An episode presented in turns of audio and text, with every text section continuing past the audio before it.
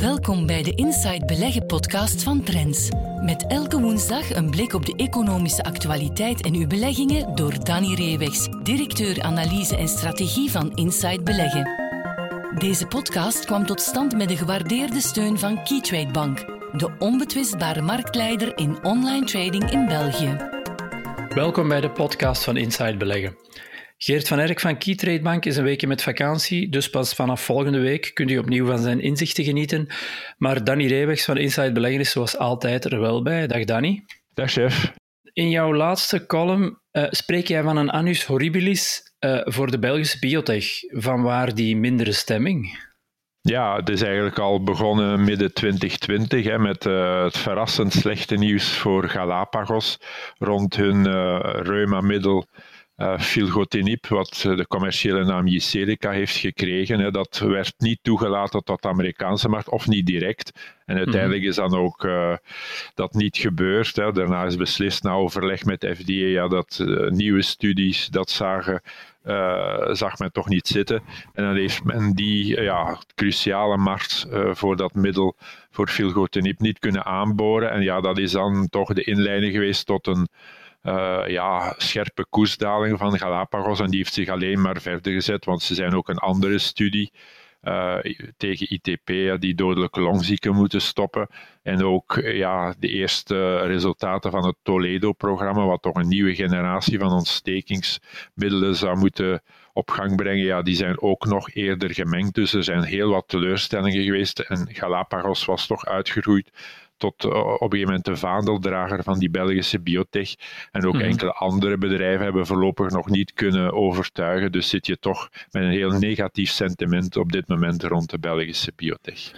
Ja, en jij schrijft ook, dat staat in schril, schril contrast met, met de jaren daarvoor. Ja. Nu, mijn vraag is een beetje, is dat niet een beetje eigen aan de sector? En, en ja, het ene jaar of de ene twee jaar zullen het heel goed doen, de andere twee jaren um, archi slecht, ja, het hoort erbij, lijkt mij. Ja, absoluut. En dat is ook een belangrijk punt dat we vandaag moeten aankaarten en nog eens op wijzen. Dat is dat hoge toppen en diepe dalen, dat dat heel kenmerkend is voor uh, investeringen in, in biotech. Waarom? Omdat je, ja, de meeste bedrijven, zolang ze geen geneesmiddel op de markt hebben en dus geen uh, zaken hebben om te commercialiseren, draait alles om het nieuws uit klinische resultaten. Hè. Dus dat, ja. uh, heel dat proces met die drie fases, hè, waarin dat je gaat van een ontdekking van een molecuul tot een potentieel geneesmiddel, ja, dat is een traject dat heel veel jaren duurt, waar je om de 1, 2 jaar dan met resultaten komt.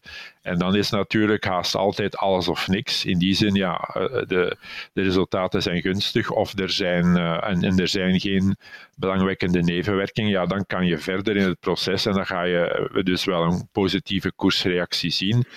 Daarentegen ja. moet je zeggen, ja, eigenlijk zien we geen beter resultaat dan het placebo of een ander uh, bestaand geneesmiddel, ja, dan moet je zeggen we gaan stoppen met die studie. Ja, en dan mm. heeft dat natuurlijk een serieus negatieve impact op de koers. Ook omdat de meeste biotechbedrijven ja, in die eerste jaren van hun beursnotering nog geen uitgebreide pijplijn hebben. Dus dat dat ene potentieel middel ja, heel belangrijk is voor de waardering van het uh, bedrijf. Ja, en jij hebt voor jouzelf een aantal stelregels om te beleggen in biotech. Het is misschien niet slecht om, om die nog even te overlopen, uh, om te weten waar jij vooral uh, op let. Ja, uh, mensen zouden dan kunnen zeggen, ja, ik ga dan maar niet beleggen in biotech. Je moet dat allemaal niet weten, die hoge toppen, die diepe dalen. Ja, dat zou zeker voor Belgische investeerders toch een beetje jammer zijn, want ja, wij blijken hier toch wel een bakermat te zijn van biotechnologie, aan de wereldtop te staan op dat vlak. En als je dan kijkt, ja, welke bedrijven gaan heel snel en heel fors omhoog, dat zijn dan vaak tech- en biotechbedrijven, omdat je met één ontwikkeling, één geneesmiddel, ja, kan je toch enorm veel waarde creëren, ook in technologie. Als je in één innovatie kan je heel ver komen. Het zijn die, dat soort bedrijven die dan een miljardenwaardering kunnen hebben. Alleen, ja, dan moet je het juiste er kunnen uithalen en dat is heel moeilijk vooraf te zeggen. Dus je moet gaan spreiden, minstens over vijf verschillende waarden. We hebben al aangegeven, zo'n traject om een geneesmiddel op de markt tot de markt te brengen, ja, dat duurt heel veel jaren. Dus je moet sowieso een lange termijn perspectief hebben. In biotech beleggen voor 1, 2, 3 jaar, ja, dat is eigenlijk zinloos. Want dan moet je echt puur geluk hebben dat in die periode de resultaten uh, goed gaan zijn. Dus minstens vijf jaar, minstens in vijf verschillende waarden. En dan heel belangrijk is het traject blijven meelopen. Als je dan bij een eerste verdubbeling uh, een bepaald bedrijf, allez, de aandeel daarvan gaat verkopen en je blijft dan met de verliezers die tegenvallende resultaten publiceren zitten, ja, dan gaat het totaalplaatje niet kunnen kloppen. Dus je moet ook in die winnaars eh, blijven geloven. Natuurlijk, als het gewicht te groot was, kan je een stukje afbouwen, maar er volledig uitgaan, uh, dat heeft dan geen zin, want het is pas als één of meerdere van die bedrijven uh, de hele rit kunnen maken en met een geneesmiddel liefst dan nog succesvol op de markt komen, ja, dan ga je een heel mooie return kunnen realiseren met dat totaalpakket aan biotech-investeringen. Ja, ja. En iets anders wat mij opviel, als ik nu bijvoorbeeld kijk naar de, naar de biotech-waarden die momenteel in de portefeuille van Inside beleggen zitten, daar zijn er een aantal bij die al een tijdje ja, niet bewegen, om het zo maar te zeggen. Dat hoort volgens mij waarschijnlijk ook bij, bij het verhaal. Maar ja, hoe, hoe kijk jij daar, daarnaar en hoe, hoe, hoe zouden beleggers daarmee kunnen leren omgaan? Met het feit dat je met, met bepaalde waarden in portefeuille zit die ja, een jaar, twee jaar nergens naartoe gaan. Maar... Ja, dat is omdat ze wellicht in die periode weinig of geen belangwekkend nieuws hebben. Hè. Dat is uh, wachten en wachten. Die studies moeten, je moet die recrutering doen en je moet dan lange tijd opvolging doen om dan pas resultaten te kunnen publiceren. Dus gemiddeld ja, gaat daar toch één à twee jaar over eer dat je het volgend belangrijk nieuws hebt. Tenzij je natuurlijk al een uitgebreid pijplijn hebt. Maar zoals gezegd, de meeste uh, jonge biotechbedrijven hebben dat niet, hebben enkele studies lopen. En dan kan het zijn dat er een vervelende tussenperiode is, dat er geen belangrijk nieuws wordt, uh, wordt bekendgemaakt. En dan moet je inderdaad kunnen, kunnen afwachten en opnieuw gaan beoordelen bij de volgende uh, resultaten.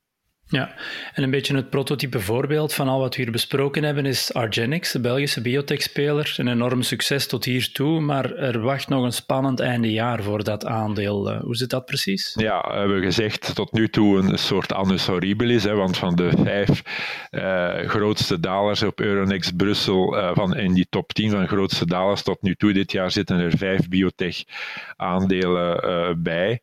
Um, en dan zeg je, oké, laat dat allemaal links liggen. Maar dan hebben we natuurlijk het, het, grootste succesverhaal van de afgelopen vijf jaar op Euronext Brussel, eh, Argenix, ook laten liggen. Hè, die koersstijging uh, van ongeveer 2000 procent, waarbij een bedrijf dat enkele honderden miljoenen uh, waard was vijf, zes jaar geleden, is vandaag 15 miljard waard. Ja, dat heeft geen ander bedrijf op Euronext Brussel kunnen realiseren. Maar ook Argenix heeft nog altijd geen middel op de markt, maar dat zou dus verandering kunnen inkomen uh, op 17 december normaal. Dan neemt de FDA een beslissing over hun uh, molecule Efgartigimod, Argenix 113, voor die eerste indicatie, die zeldzame spierziekte myasthenia gravis. Als dat uh, leidt tot een goedkeuring, en dat is ook wel natuurlijk nodig, ja, dan kunnen we toch nog een happy end hebben aan het einde van een moeilijk biotechjaar in, uh, in Brussel. Dat uh, zou mooi zijn, daar kijken we naar uit, het einde van het jaar. En als aandeel van de week heb jij Sofinaar bijgenomen. een beetje de, de ster onder de Belgische holdings van de laatste ja, jaren. Absoluut, maar ja, het heeft recent wel een kleine tik gekregen. Hoe, wat was daar de oorzaak precies van? Ja, dan moeten we toch een beetje relativeren. Hè. Sofina heeft uh, de voorbije jaar absoluut uitgeblonken op Euronext Brussel. Veel beter gedaan dan uh, de Bel 20-index, ook dan de meeste andere holdings. en dan moeten we toch vaststellen dat er ja, iets te veel enthousiasme, iets te veel uh, positivisme rond het aandeel was. Hè, dat we op 30 juni vaststelden dat de intrinsieke waarde 308 euro per aandeel was. Als dan de beurskoers boven de 400 euro gaat, ja, dan zit je met een premie van ruim 30 procent. We hebben ook nog tijden medegemaakt dat Sofina omschreven werd als de schone slaapster. En bij een waarde toen van 308 zou de, uh, zou de beurskoers eerder 200 of 220 zijn geweest, dus met een 30, 40 procent korting dat was toen uh, de gewoonte. Nu was er een enorme premie, die is ook nog nooit zo hoog geweest. En dan zie je dat mhm. rond Sofina er toch een enorme metamorfose geweest is. Dat is voor, dat is voor een groot stuk terecht, hè, want uh, Sofina heeft het geweldig gedaan, hè, heeft uh, enorme meerwaarde kunnen realiseren, maar op een gegeven moment ja, wordt het dan toch iets te veel. En is het logisch dat er nu een gezonde correctie is in het aandeel, waardoor dat de overwaardering hè, is teruggevallen, de premie teruggevallen is tot ongeveer de helft tot een 15 procent. Ja. ja, en het is ook heel actief in het Verre Oosten. Ehm, en ja, de laatste tijd is er heel veel te doen geweest rond de zogenaamde crackdown van de Chinese overheid op technologiebedrijven. Ja. Daar um, heeft dat onrechtstreeks ook impact gehad op Sofina, of hoe, hoe leidt de holding daaronder? Ja, er is een beperkte impact. Hè. En dat verklaart zeker niet hè, dat het uh, aandeel meer dan 10% is gecorrigeerd. Uh, ja. uh, Sofina heeft zelf aangegeven, we hebben een impact op onze intrinsieke waarde van ongeveer 2 à 3 procent. Er is daar het voorbeeld wel van Zangmen. Dat is een online leerplatform actief in China. Wel nu, dat, uh, online, dat online onderwijs ja, is een van de sectoren, deelsectoren, waar de Chinese overheid heel hard is op, heeft op ingegrepen. Hè. Heeft die bijna uh, ja, vleugellam gemaakt. Hè. Zegt, ja, onderwijs dat is een, een, een materie die moet gedomineerd, beheerst worden door de staat. Hè. Dat, Daar mhm. hebben die privébedrijven eigenlijk niks te zoeken. Geld verdienen daar, dat, dat, dat hoort niet. En dat zie je ook, hè, de, dat Chinese onderwijsplatform Zangmen, dat is in het voorjaar naar de beurs gegaan had op dat moment een waarde van 350 miljoen dollar.